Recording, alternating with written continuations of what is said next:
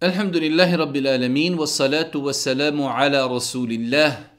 Rabbi şrah sadri ve yessir li emri ve ahlul uqdata min lisani yefqahu qavli.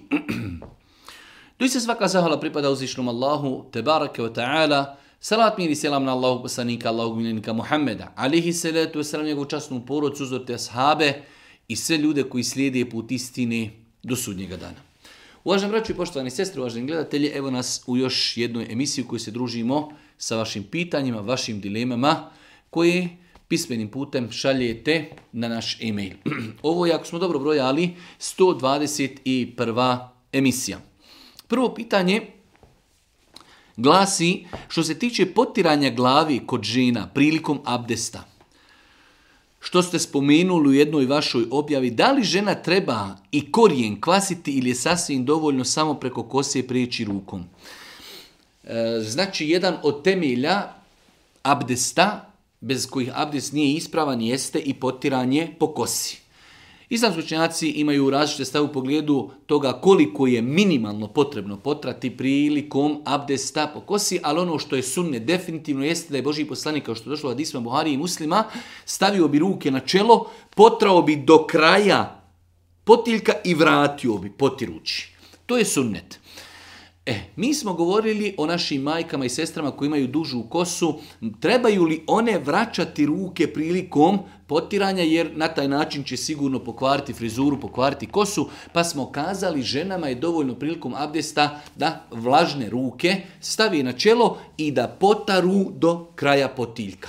To je dovoljno i ako Bog da na taj način one su potpunile vađib. E ovdje se postavlja pitanje da li je potrebno kvasiti korijen kosi. Ne, Ovdje je došlo, znači, Allah Žešanu kaže u Kur'anu وَمْسَحُوا سِكُمْ potarite po glavama. Znači, vlažnim rukama i žena i muškarac stavit će ruke na čelo i potraći skroz do e, potiljka. Muškarci koji imaju kraću kosu vratit će ruke potirući, a ženama je dovoljno samo da potaru do potiljka. Nema potrebe da se kvasi glava i da se kvasi korijen kosi.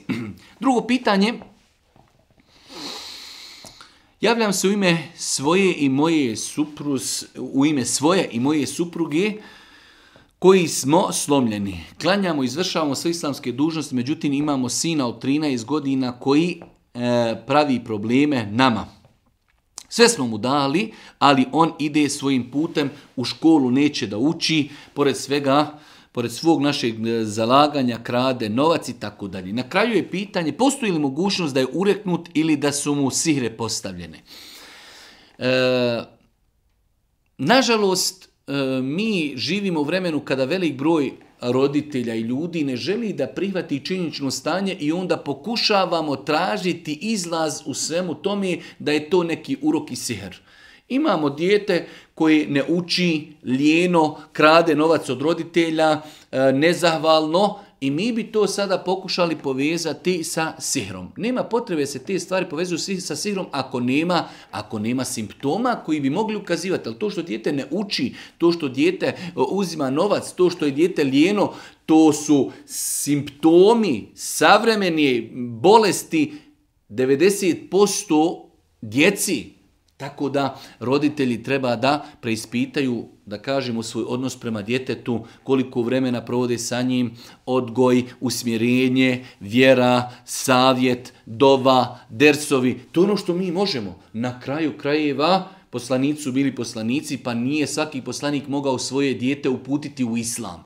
Naše je da damo sve što možemo, da teško roditelju nekada pada da je u svoje dijete uložio mnogo, žrtvovao, a dijete to ne vidi, ali i to se dešava. Moramo privati činjenicu da se može veoma lako desiti da roditelj budu vjernici, poduzeli su sve što su trebali, nisu napravili grešku, provodili vrijeme sa djetetom, odgajali ga, učili ga, usmjeravali ga i dijete ide gdje ne treba. Tu se može desiti. Nama je bitno da uradimo što smo trebali, što smo mogli, da se potrudimo, da dovimo, da odgajamo, da usmjeravamo, da kontrolišimo. Nakon toga, ako ne bude upute, dijete želi grijehe, žedne želi nemoral, mi smo poduzeli ono što smo mogli. Treće pitanje, da li je dozvoljeno učiti Kur'an sa telefona bez abdesta? I da li je dozvoljeno unositi telefon na kome se nalazi Kur'an aplikacija u toalet? Znači dva pitanja. Da li se može učiti Kur'an sa telefona, ali da nemamo abdest? Može. Nema inša nikakve smetnje da čovjek u autobusu, negdje u čekaoni, u autu, eh, u školi, u firmi, znači da otvori aplikaciju Kur'ana bez abdesta da uči, da uči Kur'an, ako Bog da nema u tome ništa sporno. Da li se može unositi u toalet?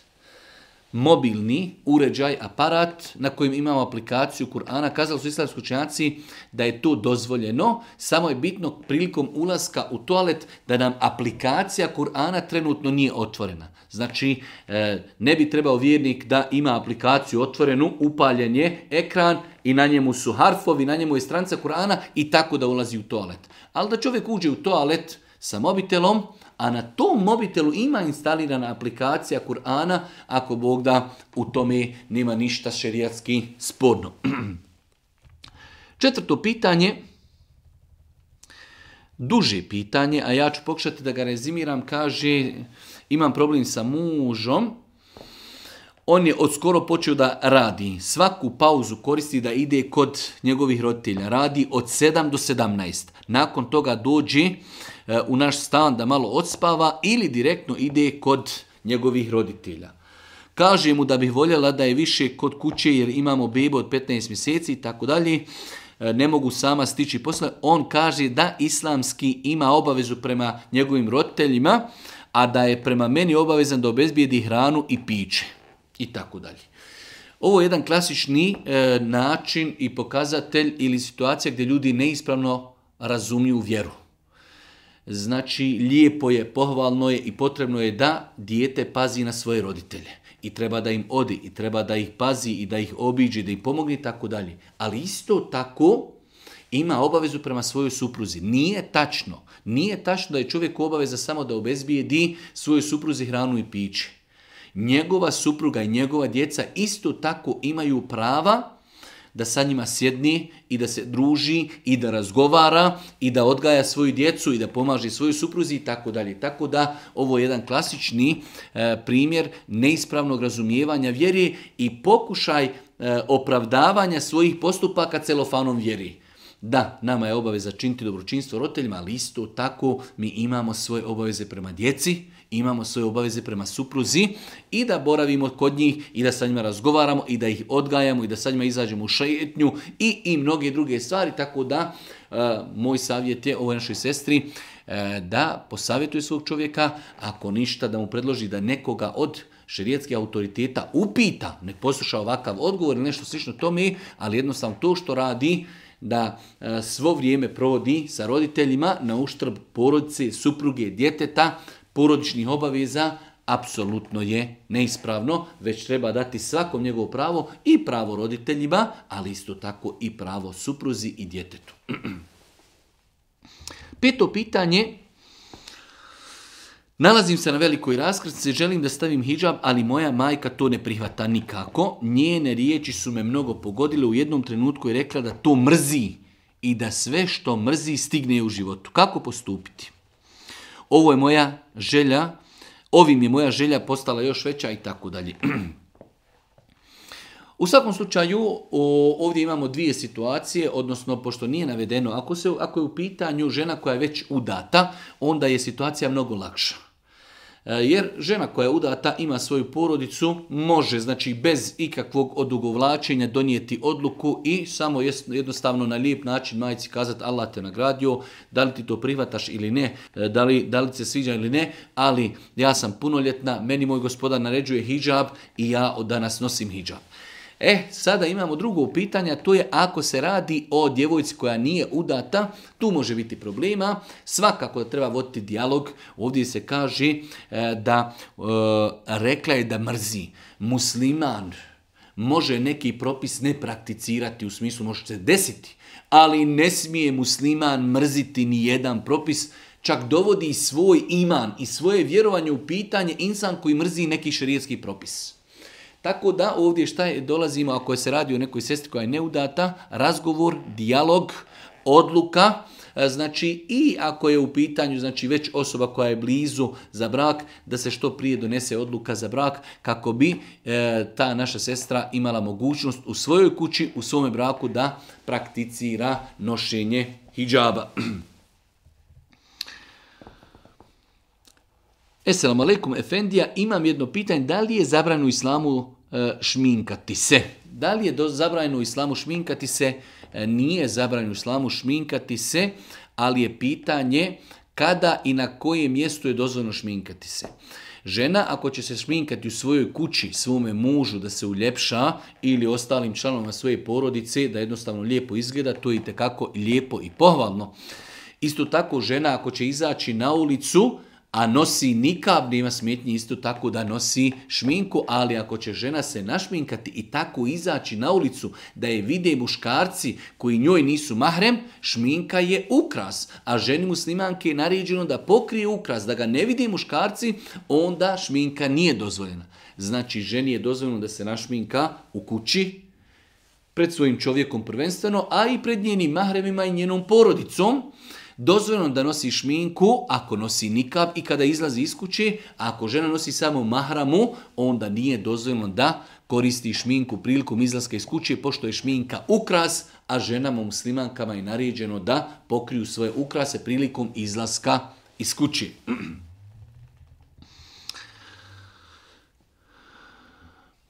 Pitanje je za osobe koje idu na umru i iz Medine u Meku idu brzim vozom pošto svi oni koji su išli na umru znaju da postoje dva puta, imamo put iz Medine za Meku, e, put autima i autobusima i pored tog puta postoji mjesto koje se zove Zulhuleifa, to je mjesto Mika gdje se oblače i hrani, i nakon toga se ide za Meku, e, znači se obavlja hađi ljumra. E, kada je u pitanju odlazak za Meku iz Medini vozom, znači vozna stanica, ona je jednostavno u drugom pravcu, pa se onda znači prolazi pored, prolazi se pored Mikata, Zulhulejfe, ali se ne zaustavlja voz, pošto je to brzi voz. E sada je pitanje kako i na koji način da osoba koja želi da obavi hađ ili umru, da zanijeti, e, a ide vozom. Znači ko ide autobusom ili ko ide autom, lahko je skreni, znači e, na Mikat, tu donese odluku i ide dalje. Ili ako ne skreće, kada ugleda Mikat s svoje desne strane, donese namjeru, nijet i ide dalje. E, ljudi e, znači, koji upravljaju vozom, oni upozori ljude koji sjede u vozu i kažu uskoro ćemo proći pored mikata, donesite namjeru. E, u svakom slučaju, moj savjet je, i ja to savjetujem svojim grupama kada idemo na umru, da čovjek dok sjedni u voz, pošto je to brzi voz, ide e, znači velikim brzinama, dok čovjek sjedni u voz, radi se o neki par minuta vožnji, najljepše je, bar ja mislim, najsigurnije da čovjek donese odma odluku, kako ne daj Bože se ne bi desilo, voz ide velikom brzinom, e, znači e, da ne bi mi prošli mikat, a nismo donijeli odluku, najbolje je onog momenta kad čovjek bude siguran, ušao sam u voz, prošao sam svu proceduru, 99,9% više nima neke, nekog faktora zbog čega bi se mogao vratiti, donosimo namjeru lebejke Allahumme umraten, gospodaru odazivamo ti se umrom i ako Bog da ispravno smo postupili, a ako neko ne bi želio na taj način, ima. Znači u vozu bude javno upozorenje gdje oni naglasi uskoro prolazimo pored mikata, oni koji idu na umru, neka donesu namjeru i neka počnu učiti telbiju. Jedno malo duže pitanje, dolazim iz Makedonije i u svakom slučaju malo ima ovih makedonskih riječi, ali desila se situacija da je neka mualima u jednom od gradova u Europi, konkretno u Minhenu, e, držala je predavanje za žene, nakon toga žene su se poredale, ona je stala u sredinu prvog safa i klanjale su zajedno jaciju i ona je učila naglas da li je ispravno postupila apsolutno da. Znači, ako je u pitanju zasebna prostorija gdje žene znači, boravi, da nema muškaraca, da muškarci ne čuju glas žene, onda nema nikakve smetnje da žena uči na glas, kako bi žene koje klanjaju za nje čule učenje kirajeta i razmišljale onome što se uči, a znači e, to što je stala u, u sredinu safa isto je stav islamskih učenjaka da žena koja klanja u džematu sa ženama, ona će stati u sredinu prvog safa. Znači, na sredini prvog safa stane e, žena koja će imamiti i žene se onda ravnaju desno i lijevo od nje i kada popuni prvi saf, onda idu dalje. Tako da, e, to što je uradila ta naša Moalima e, koja je držala predavanje, inšala vizna, ispravno je postupila ako se radilo o prostoriji u kojoj nema muškaraca. Deveto pitanje, imam šest dana koje nisam napostila zbog hajza. Sada me zanima da li treba prvo napostiti propušteni dan Ramazana, pa šest dana ševala, ili može se postiti šest dana ševala, a naknadno posti i tako dalje. Poznato pitanje u kojem islamskoj činjaci imaju jako razilaženje, velika većina islamskih činjaka je smatrala da žena prvo treba napostiti Ramazan, nakon toga postiti mjesec ševala, znači šest dani u mjesecu ševalu. Ja lično sam stava, pošto nam je islam dozvolio ženama i svim ljudima drugima koji nisu postili određen dio dana u Ramazanu, da to naposte sve do narednog Ramazana. Zašto sada ljude obavezivati da to moraju napostiti u prvih 5, 6, 7 ili 10 dana?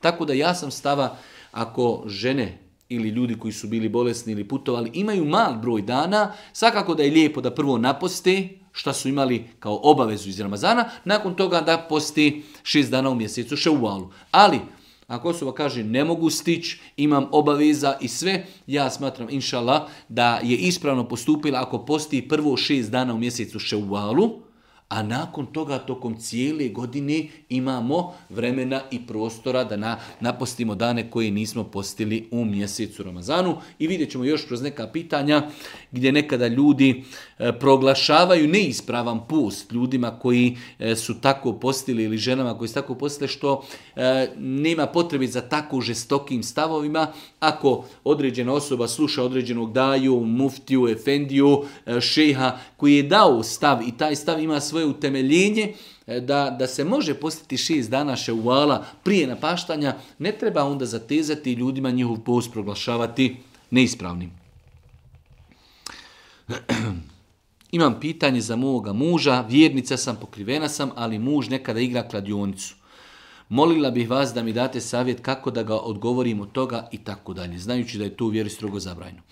U svakom slučaju, e, kladionice su jedan veliki musibet savremenog doba e, i lično sam se uvjerio kroz pisanje ljudi da je to bukvalno jedan vid sihra, jedan vid droge, ovisnosti i tako dalje. Tako da treba imati razumijevanja, a svakako treba ono što žena, pogotovo kad je u pitanju vjernica, minka pokrivena, ono što može jeste savjet. Lijepo, blago, eh, Allah te nagradio, eh, to je zabranjeno, nemoj da nam u kuću nosiš harame, nemoj da nas raniš sa onim što je zabranjeno, novac koji ulema, fino da mu citira, ulema kaže ono i što se potroši u kladionci je haram i da nešto i zaradi što je haram, nemoj nas raniti haramom i tako dalje. Ono što žena u takvoj situaciji može da dovi Allahu Đelešanu za njega, da na lijep način sa njim razgovara, da, ajde da kažemo, savjetuje. E, ako može, ako ima mogućnost da u njegovom prisustvu neko od daija, od šehova, od autoriteta, efendija, e, muftija, da neko to pitanje tretira, da mu pojasni, da ga posavjetuje. Inšala biznila, nadat je se da će rezultati biti pozitivni. 11. pitanje moje pitanje tiče se sabah namaza. Da li je ispravno ako klanjam 15 minuta prije nego što nastupi jer radim od četiri? Pa mi je vremenski tjesno, niti želim propustiti sabah, niti kasniti na posao. Imamo veoma često pitanje gdje ljudi postavljaju pitanje na zapadu gdje e, u određenom periodu u toku godine jednostavno ljudi da bi stigli na posao moraju krenuti ranije, toliko ranije da još nije nastupio sabah namaz. E, mislim da je glavni problem to što mi želimo klanjati sabah kod kući. Moramo se jednostavno privikavati, živimo u takvim okolnostima da moramo se privikavati da nama klanjamo i mimo kući. Pa ćemo tako ukrenuti znači ono što je odgovor, ne može se namaz klanjati prije nastupanja namaskog vremena. Ali, možemo krenuti 10 minuta ranije, pa ćemo na nekoj stanici ako idemo metrom izaći, kada nastupi saba, skloniti se u čoša, klanjati farze, ponovo sjesti u drugu liniju, drugi metro i voziti se na posao. Ili ćemo krenuti ranije, pa ćemo doti na posao, pa ćemo klanjati na radnom mjestu. Ali ono što je odgovor, odgovor je ne može se namaz klanjati ranije, rješenje je ako mi moramo krenuti iz kuće, a sabah nije nastupio, krenut ćemo malo ranije, zaustavit ćemo se u putu, ako idemo autom, parkirat ćemo na parking, ako idemo metrom, izaćemo, ako možemo doći na posao, klanjat ćemo na poslu, bitno je da klanjamo samo prije izlaska sunca. Tako da, namaz je neispravno klanjati prije nastupanja namaskog vremena, ali moramo se viknuti da namaz klanjamo mimo kući. Da li će to biti e, da izađemo u metrou na stanici? Da li će to biti e, da sa autom se zaustavimo pa da klanjamo negdje na parkingu? Da li ćemo klanjati na poslu? Moramo sebi, e, što bi rekli, organizirati život kako i na koji način da klanjamo svoj namaz.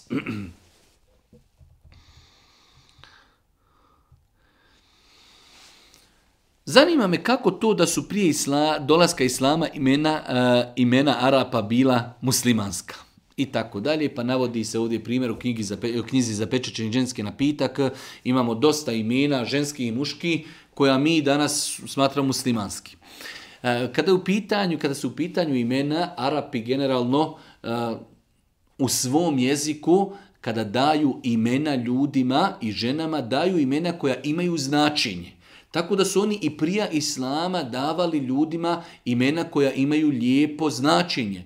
Pa kada uzmete riječ Mustafa, znači odabrani Mustafa i prije Islama i poslije Islama znači odabrani, što je lijepo ime i mnoga druga imena imaju svoje lijepa značenja i u Islamu i prije Islama. Samim tim, Islam kada je došao, e, znači odobrio je ta imena koja su bila prisutna među Arapima, osim određena imena, imena koja su imala loše značenje, pa i Boži poslanik savjetovao, to su mase ljudi, hiljede ljudi su bili oko poslanika i normalno se moglo desiti da su određena imena bila, e, znači sa određenim šerijetskim e, da kažemo, e, prekršajima. Pa određena imena, znači Boži poslanik je savjetovao da se promijenu jednostavno zato što u sebi imaju loše značenje. Tako da ne možemo kazati da Arapi su imali islamska imena, već su one imali imena koja su bila prisutna kod njih sa lijepim značenjima. Pa ih je islam odobrio i zato i danas kada ljudi prime islam, generalno ljude treba učiti, nek na svojim imenima. Nekada je doista teško, čovjek hoće primi islam, ali moraš promijeniti ime pa dokumenti, pa narod me zna, pa škola, pa fakultet, pa rodbina i tako dalje. Tako da ljude ne treba obavezivati mijenjanjem imena, osim ako u imenu ima doista nešto što je sporno šerijetski.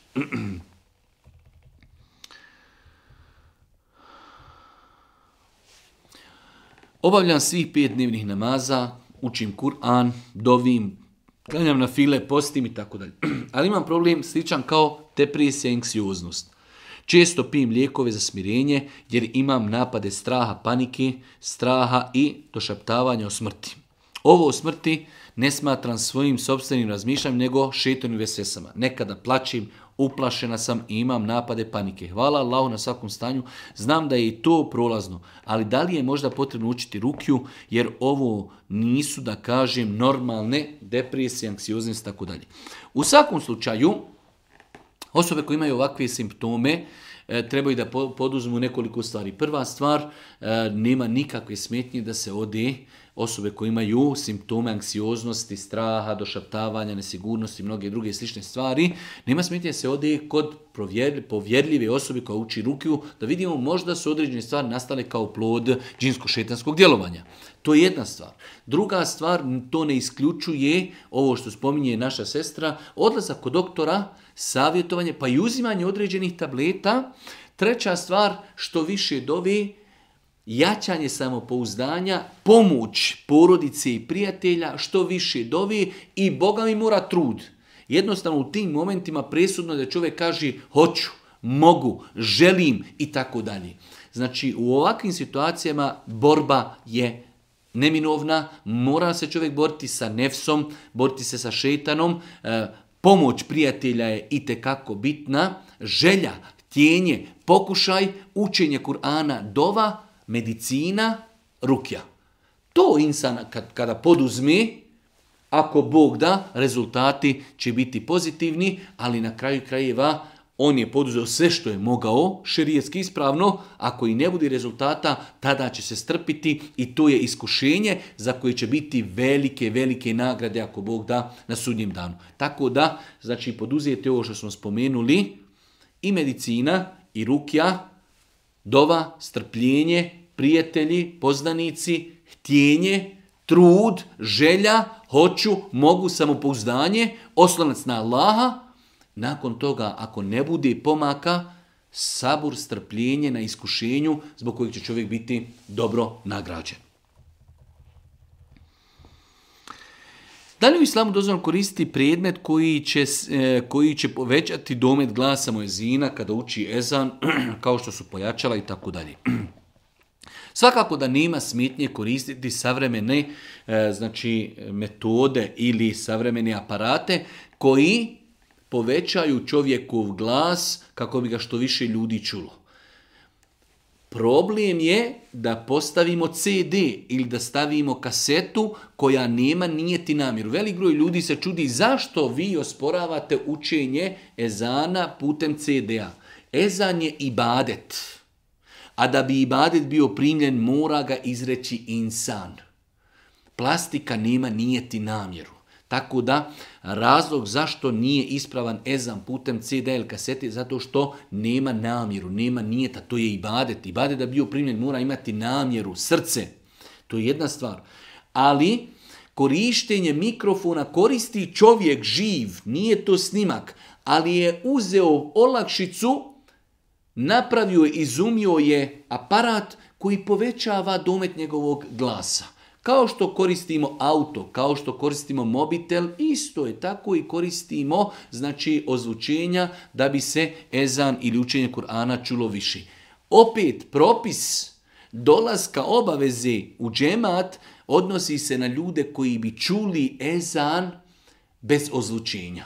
Lijepo je da se putem ozvučenja čuje ezan, ali nije obaveza. Nekada se putem ozvučenja može čuti e, ezan i na 5, i na 7, i na 10 kilometara. Zbrda na brdo se može 10 kilometara čuti učenje ezana. Da li to znači svi koji su čuli ezan e, da moraju doći u džemat? Ne ali jednostavno lijepo je da se ezan više čuje, da se, da kažemo, e, ljudi upozori, nastupilo je namasko vrijeme, oni koji su bliže džami treba da dođu na namaz, ali oni koji nisu da čuju, aha, nastupio je namaz, tako da nema smetnji da se koristi pojačala ili neki drugi, hajde da kažemo, aparati koji će glasnije obznaniti nastupanje namaskog vremena.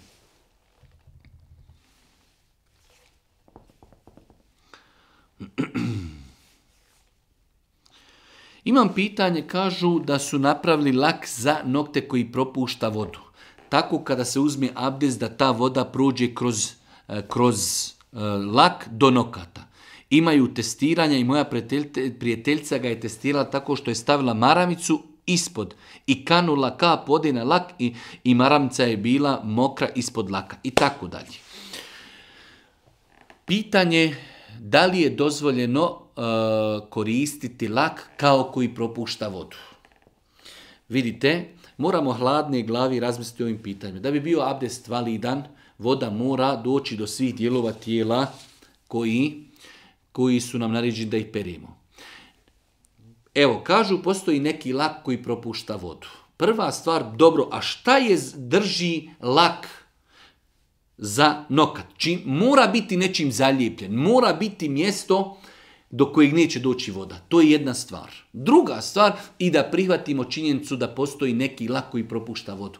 Ali to je u situaciji kada stavimo lak na maramicu i kapnimo vodu i tako voda stoji 10 minuta. Mi kada perimo ruke, ima li vremena voda da kroz taj lak prođe na naše nokte? Apsolutno ne. Zato ja sam čvrsto ubijeđen da ne postoji lak preko kojeg može Abdes biti ispravan.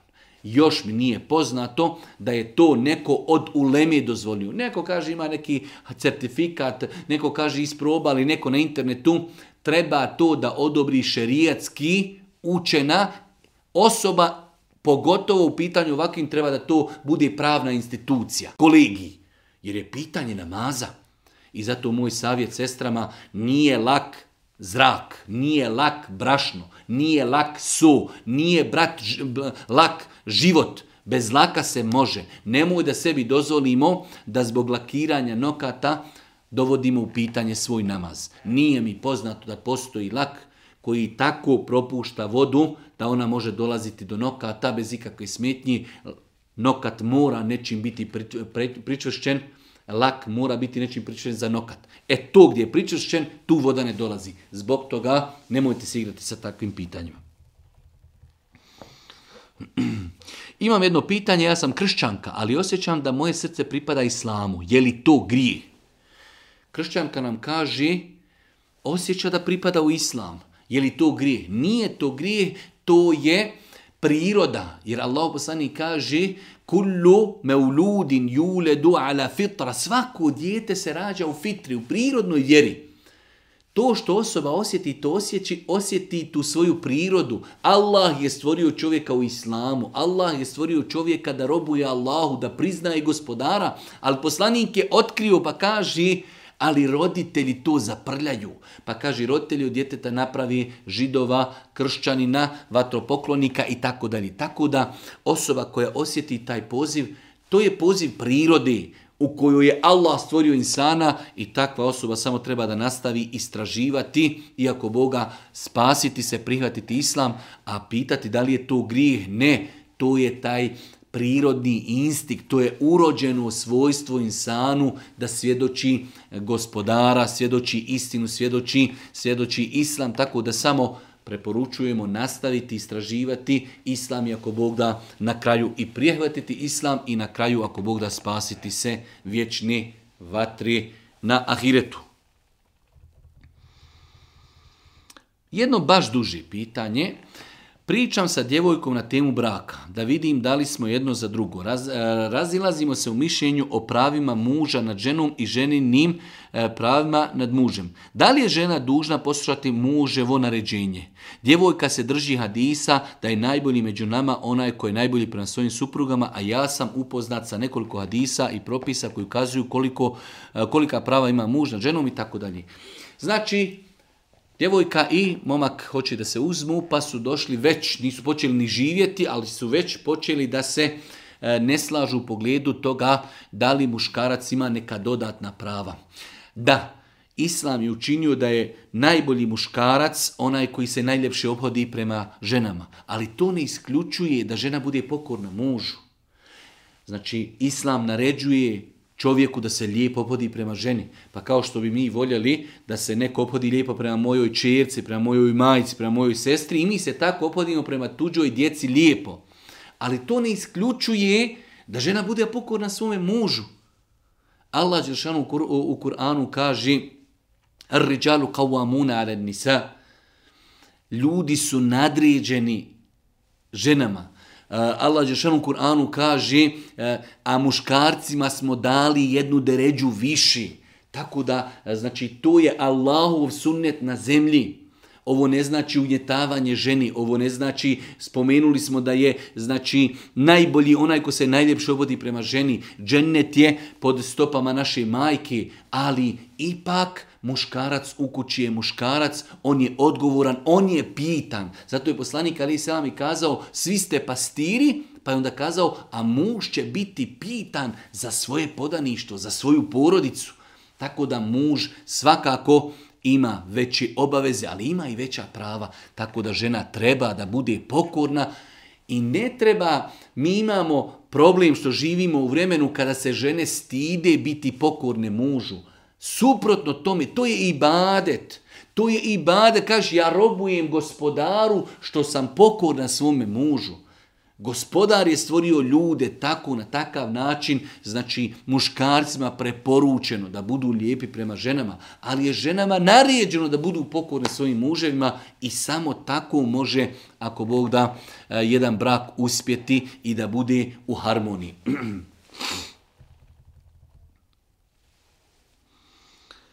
Radio je jedan hođa iz Bosne i Hercegovine Amajliju za posao. Ljubav ali otkad sam to uradila, totalno sam pala energetski. Ništa ne ide najbolje. Čak je sve lošije. Kako mogu da uništim te zapise? Kako se može uništiti zapis? Zapis se može uništiti na način da se razmota bismiletom i da se zapali.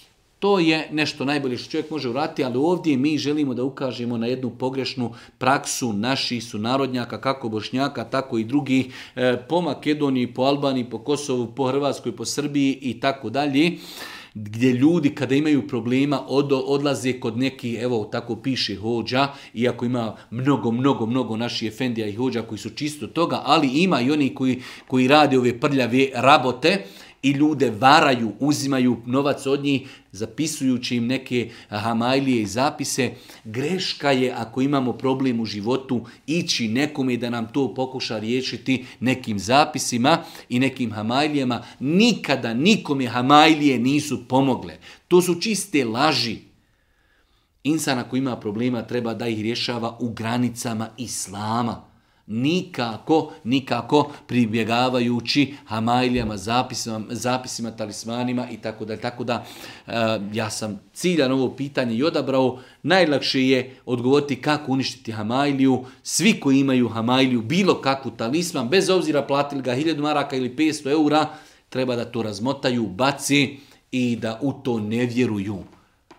Ali isto tako prije toga ne smije se, haram je, strogo haram, otići kod nekoga ko pravi zapise i ko pravi hamajlije.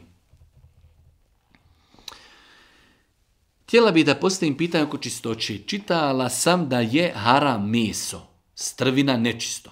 Šta ako se nađemo u situaciji da ljudi jedu takvo meso i naravno diraju stvari oko nas? Jesu li te stvari onečišćene? Moram da kažem da se borim sa vesesama i tako dalje. Znači, Tačno je da meso koje nije halal, ono je nečisto.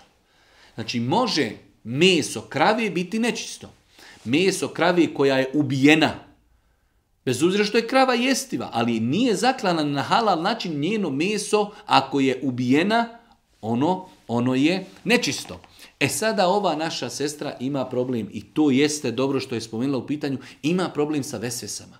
Pa kaže, dobro, ako tamo negdje neko jede neko meso, dodiruje ga rukama, a to meso nije halal, pa da li ako ta osoba dotakne to meso, poslije dotakne neku stvaru iz našeg okruženja, e, da li su onečišćene te stvari? Insan, znači da nije spojim u pitanju, ja bi odmah kazao ovakva osoba apsolutno ima problema sa vesvesama. Nije naše da analiziramo šta ko jedi. Je li neko oprao ruke? Je li neko nešto dotakao? Znači, naše je da živimo sa e, okruženjem po vanjštini. Sećija, ima li što na sećiji vidno? Nema. Sto, da li ima nešto na stolu? Čaša, ima li nešto na čaši da se vidi da je nečisto? Nema. Tako treba da živimo. Razmišljati da li je tamo neko jeo nešto što je nečisto. Nakon toga takvim rukama dotakeo nešto, pa ćemo mi poslije dotaknuti, da li ćemo mi se onečistiti, to je previše. To je otežavanje života, otežavanje vjeri. To čovjek mora ignorisati. Najbolji način za rješavanje vesvisa jeste ignorisanje. Uvažen šeh, interesuje je da li osoba koja nema završenu medresu može biti ima. Na primjer, osoba koja je završila fakultet, magistrat ili tako dalje, eh, ali nema medresu. Svakako, E, da nije uvjet da bi neko predvodio ljude u namazu da bude, da je završio medresu.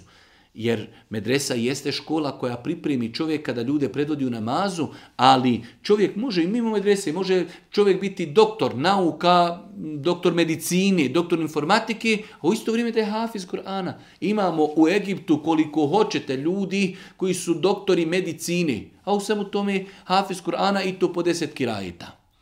Allah poslanik kaže neka ljude u namazu predvodi onaj ko zna najbolji Kur'an. Je ummul qaume aqra'uhum li kitabillah.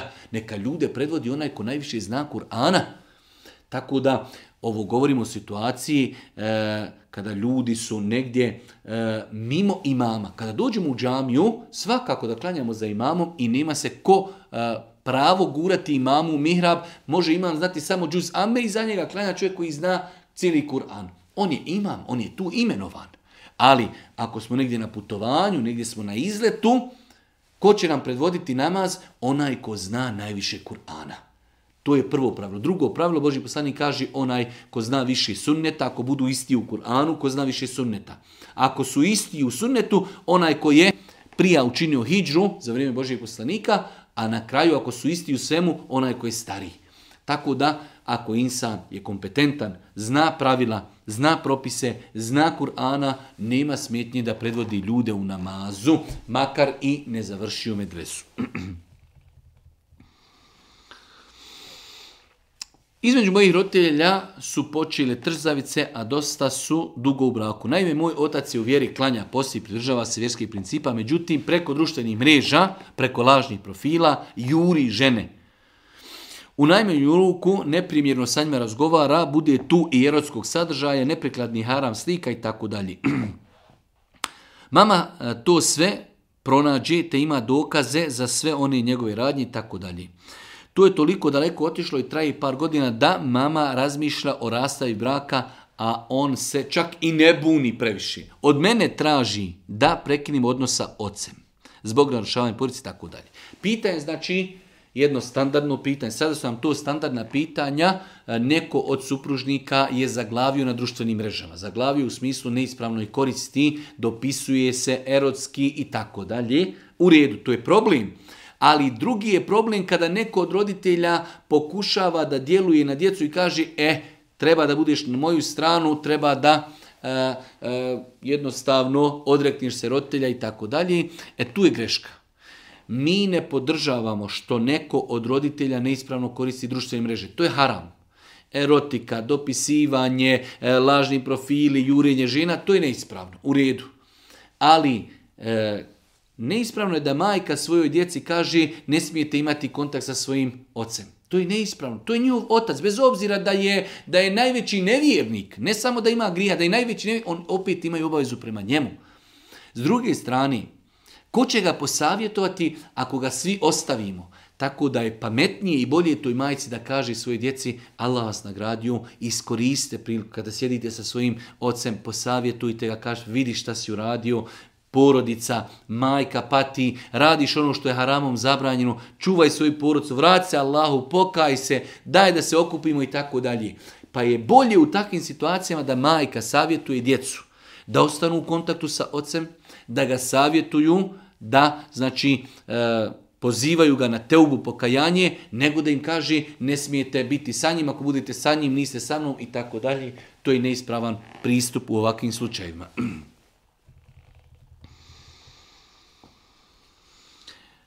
Želio sam vas pitati da li je po islamu dozvoljeno raditi kao inženjer u namjenskoj vojnoj industriji, dakle proizvodnja oružja i municiji? Allah najbolje zna. Ovakve stvari jeste, ovo su vremena a vremena kada se municija i oružje koristi dosta puta na ispravan način, ali onaj ko proizvodi oružje ne zna kako će se oružje koristiti. Može se to oružje sutra koristiti na ispravan način da neko čuva svoj život, da odbrani svoju domovinu i tako dalje.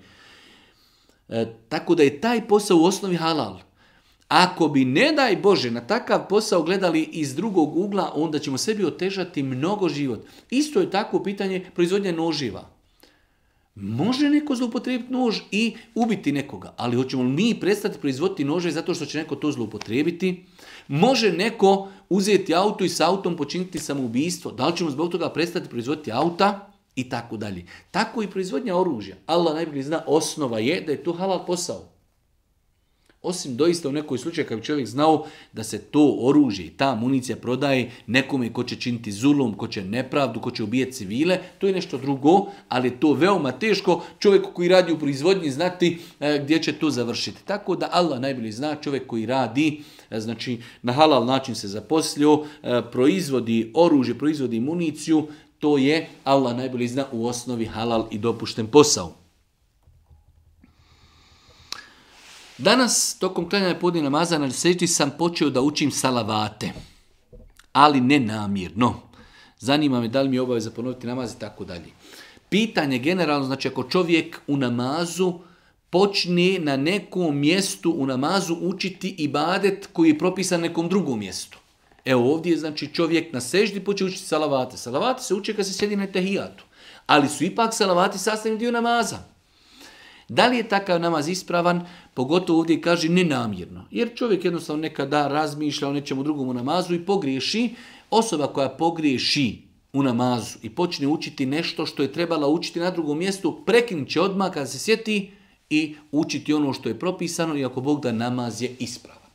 Znači, ako nam se desi, primjer radi, došli smo na, na ruku i počeli smo učiti etehijatu. Ili počeli smo učiti e, zikr koji se uči na seđdi. I obrnuto. Na seždi smo počeli učiti e, ono što se uči na ruku. Kada se sjetimo, prestajemo i nastavljamo učiti ono što je propisano, iako Bog da namaz je validan i ispravan.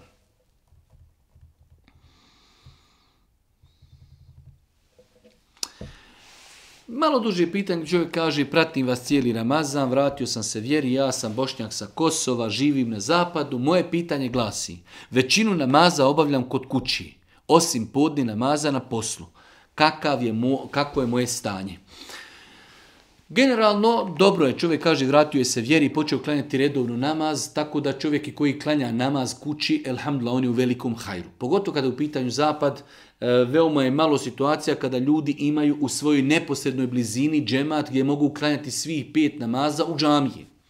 Tako da e, poruka ovo našem bratu ustraj u kontinuiranom činjenju obavljanju namaza. Svakako moj generalni savjet ljudima koji su na zapadu, bez obzira, uvijek treba dok dođemo u neki novi grad, ima li gdje tu muslimana da su već organizirani, imaju li mesečit, imaju li džumu, imaju li mekteb za djecu i znači čovjek treba pa makar i to bilo i 5, 7, 10, 20 km ne mora ići na svaki namaz ali otići na sabah, otići na jaciju, otići na džumu, otići na neki od dnevnih namaza, subotom i nedjeljom odvesti djecu u mekteb i tako dalje. Znači, e, ako bi kazalo da čovjek živi u mjestu gdje nema blizu džamija, treba da klanja namaz kod kuće, to je ekstra, ali istraživati, tražiti, pitati gdje ima najbliža džamija, vezivati se za džamiju, vezivati se za džemat, makar to i ne bio bošnjački džemat za Turke, Afganistance, Pakistance, bilo koju znači organiziranu skupinu muslimana čovjek treba da se prisloni uz njih, da im se priključi, da sa njima klanja, sluša hudbe, da djecu dovede i tako dalje. Znači, insan ako nema blizu džamije, klanja će kod kući, to je dobro, pozitivno, ustrajati u tome, ali isto tako vezivati se za neku zajednicu muslimana. Da li, musliman, da li musliman smije otići na pravoslavno groblje posjetiti umrlog? Kažu sam učenjaci da nema smetnje da čovjek posjeti i nemuslimansko znači groblje, ali ide s ciljem da uzme pouku. Kao što je ta pouka se uzma iz muslimanskog e, e mezarluka, s tim što za muslimanske, muslimanske medjite, mrtve, možemo puti dovu za razliku, znači kada posjećujemo nemuslimanske e, mezaristane ili groblja, gdje možemo doći i reći, evo vidi, razmišljaj u Allahu robe koliko je ljudi otišlo, vratili se, umrli, šta su uradili, šta su ponijeli, da čovjek razmišlja, ali ne može se za njih uputiti dova zato što je ispravno mišljenje da znači za nemuslimane je dozvoljno dobiti dok su živi. Da je Allah uputi u islam. Kada umru, po konsenzusu islamskoj činjaka, haram je i zabranjeno doviti za osobu koja je umrla kao nemusliman.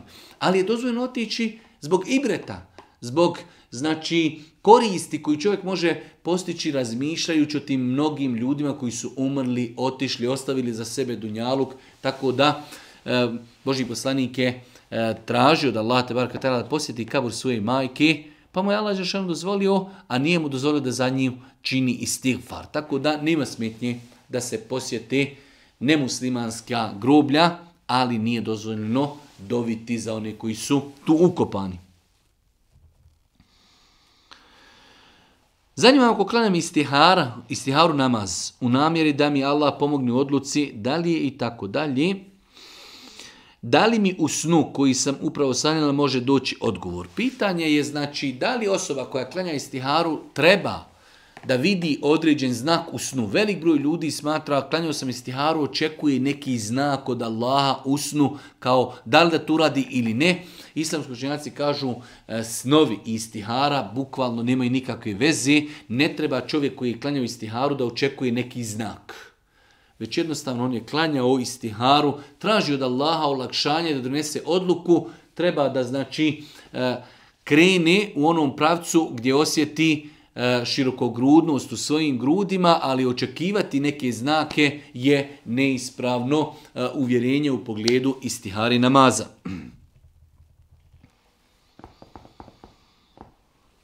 Voljela bi da znam ako mogu provjeriti da li je neko pod sihrom ili sa kojim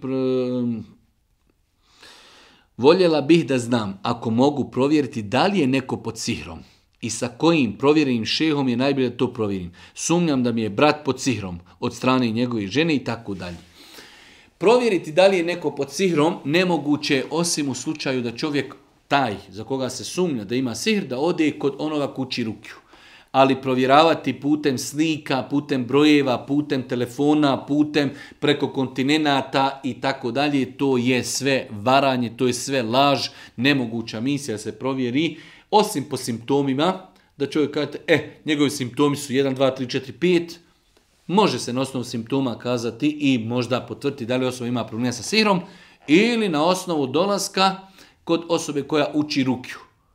Kod koga? Ovdje je pitan kod koga? Kod osobe koja ispravno uči rukiju koja liječi Kur'anom, ona može kroz razgovor i kroz reakcije, kroz ponašanje e, uspostaviti dijagnozu. Uspostavljanje dijagnoze putem pitanja, sihra, e, putem, putem slika, telefonskih razgovora, datuma, rođenja, ime majke, sve je to laž i neispravno. Selam alaikum, pitanje iz Makedonije, da li je dozvoljeno graditi bunar u drugoj zemlji kao trajnu sadaku? Apsolutno da. Ako čovjek nema mogućnost da uradi trajnu sadaku u svojoj državi, a nudi mu se trajna sadaka u nekoj drugoj državi mimo njegove države, ono što je bitno jeste da čovjek pazi s kime sarađuje i da jednostavno to bude realizirano, da ono što uradi koristi ljudima, a ljudi su ljudi da li bili u Bosni, da li bili u Kosovu, da li bili u Makedoniji, da li bili u Eritreji, da li bili u Nigeriji, znači trajna sadaka, da li pitanju bunar ili put ili nešto drugo, znači gdje god će ljudima to koristiti, dozvoljeno čovjeku da to realizira.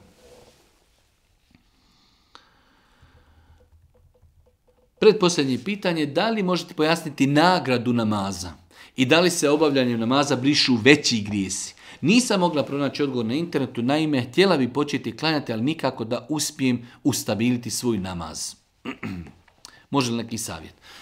Kad su pitali nagrade, mnogo je hadisa koji govori o vrijednosti namaza, da čak ne slažemo i ne pretjeramo desetine, desetine hadisa u različitim kontekstima. Allah poslanik je spomenuo e, namaz da briše grijehe, e, namaz do namaza, džuma do džume, bajram do e, džuma do džume, ramazan do ramazana, brišu grijehe koji se počini između njih.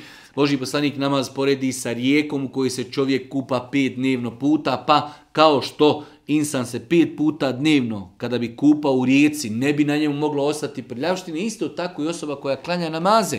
Tako da je mnogo hadisa koji ukazuju da je namaz jedno od najvrijednijih dijela u islamu. E sada, da li e, obavljanje namaza briše velike grijehe? Allah najbolje zna, ne. Znači, obavljanje ibadeta generalno, E, može pobrisati mali grijeh, za veliki grijeh se čovjek treba pokajati. Kako ustrajati u namazu? Boga mi, znači ništa drugo osim trud, tijenje, želja, dova, i ako Bog da svakako čitati o namazu, vrijednosti namaza, čitati o naredbi. Namaz je naređen. Nema tu plaho e, prostora za kompromis. Jednostavno moram klanjati. Ako ništa u početku početi klanjati farze, a nakon toga lagano i dodavati i na file. Posljednje pitanje.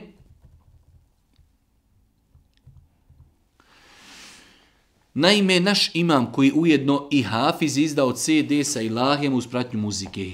Kada su neka dešavanja pred džamijom uz muziku pjevaju Ilahije, muzičko kolo se ugra, igra u džamijskim prostorijama i za njih sve to nije problem i tako dalje. Da li ostati u takvom džematu? E, generalno, jesu to problemi u određenim džematima, pogotovo na zapadu, gdje e, određene odgovorne osobe e, dopuštaju da se zlopotrebljavaju vakufske prostorije, pa se organiziraju određeni bajramski koncerti i muzika i, i kolo i tako dalje, što je strogo zabranjeno. Prvo, muzika i kolo i e, takve stvari zabranjene su mimo Božih kuća. Šta mislite onda kako je to da se dovede orkestar i da se svira i kolo igra u džamiji, vakuskim prostorijama ili u dvorištu e, Božije kuće, džamije i tako dalje. Tako da e, to su apsolutno zabranjene stvari. Zabranjene po hanefijskom mesebu. Mi se samo izigravamo, sakrivamo se e, iza hanefijskog meseba. Hanefijski meseb je jedan od najrigoroznijih meseba u pogledu muzike, slušanja muzike, muzičkih instrumenata, ali mi uzmemo hanefijski mezheb ondje gdje nam treba, ondje gdje nam e, ne treba, odbacujemo ga i tako dalje. Šta čovjek da uradi u takvoj situaciji? Shodno, e, da kažemo, faktorima. Ako ima drugu džamiju, u kojoj nema takvih propusta, u kojoj može odvesti svoje dijete da će ga neko podučiti ispravno i gdje neće biti harama, svakako će otići. Ako nema drugu mogućnost, ostaće tu pri džematu, ali će podići svoj glas Tražiti da se to izbaci, da se to ne radi, kritikovat će, savjetovat će, pisat će ako treba dopise e, onima koji su iznad, iznad i tako dalje. Tako da insan znači e, će u obzir u takvoj situaciji okolnosti. Ako ima negdje bolji džemat, gdje se može lijepo osjećati, gdje nema harama, gdje nema novotarija, gdje nema, gdje nema zloupotrebe vjere, tu će i otići. Ako nema, ostaće u džematu, ali punit će se, savjetovat će, kritikovat će, pisat će dopise i tako dalje. Allah subhanahu wa ta'ala molimo da nas usti na putu istine nam podari dobro dunjalke i ahirete na kraju. Subhanike Allahumma da bihamdike. Ešhedu in la ilaha ilan stakviruke. Voje tubu. Ilike.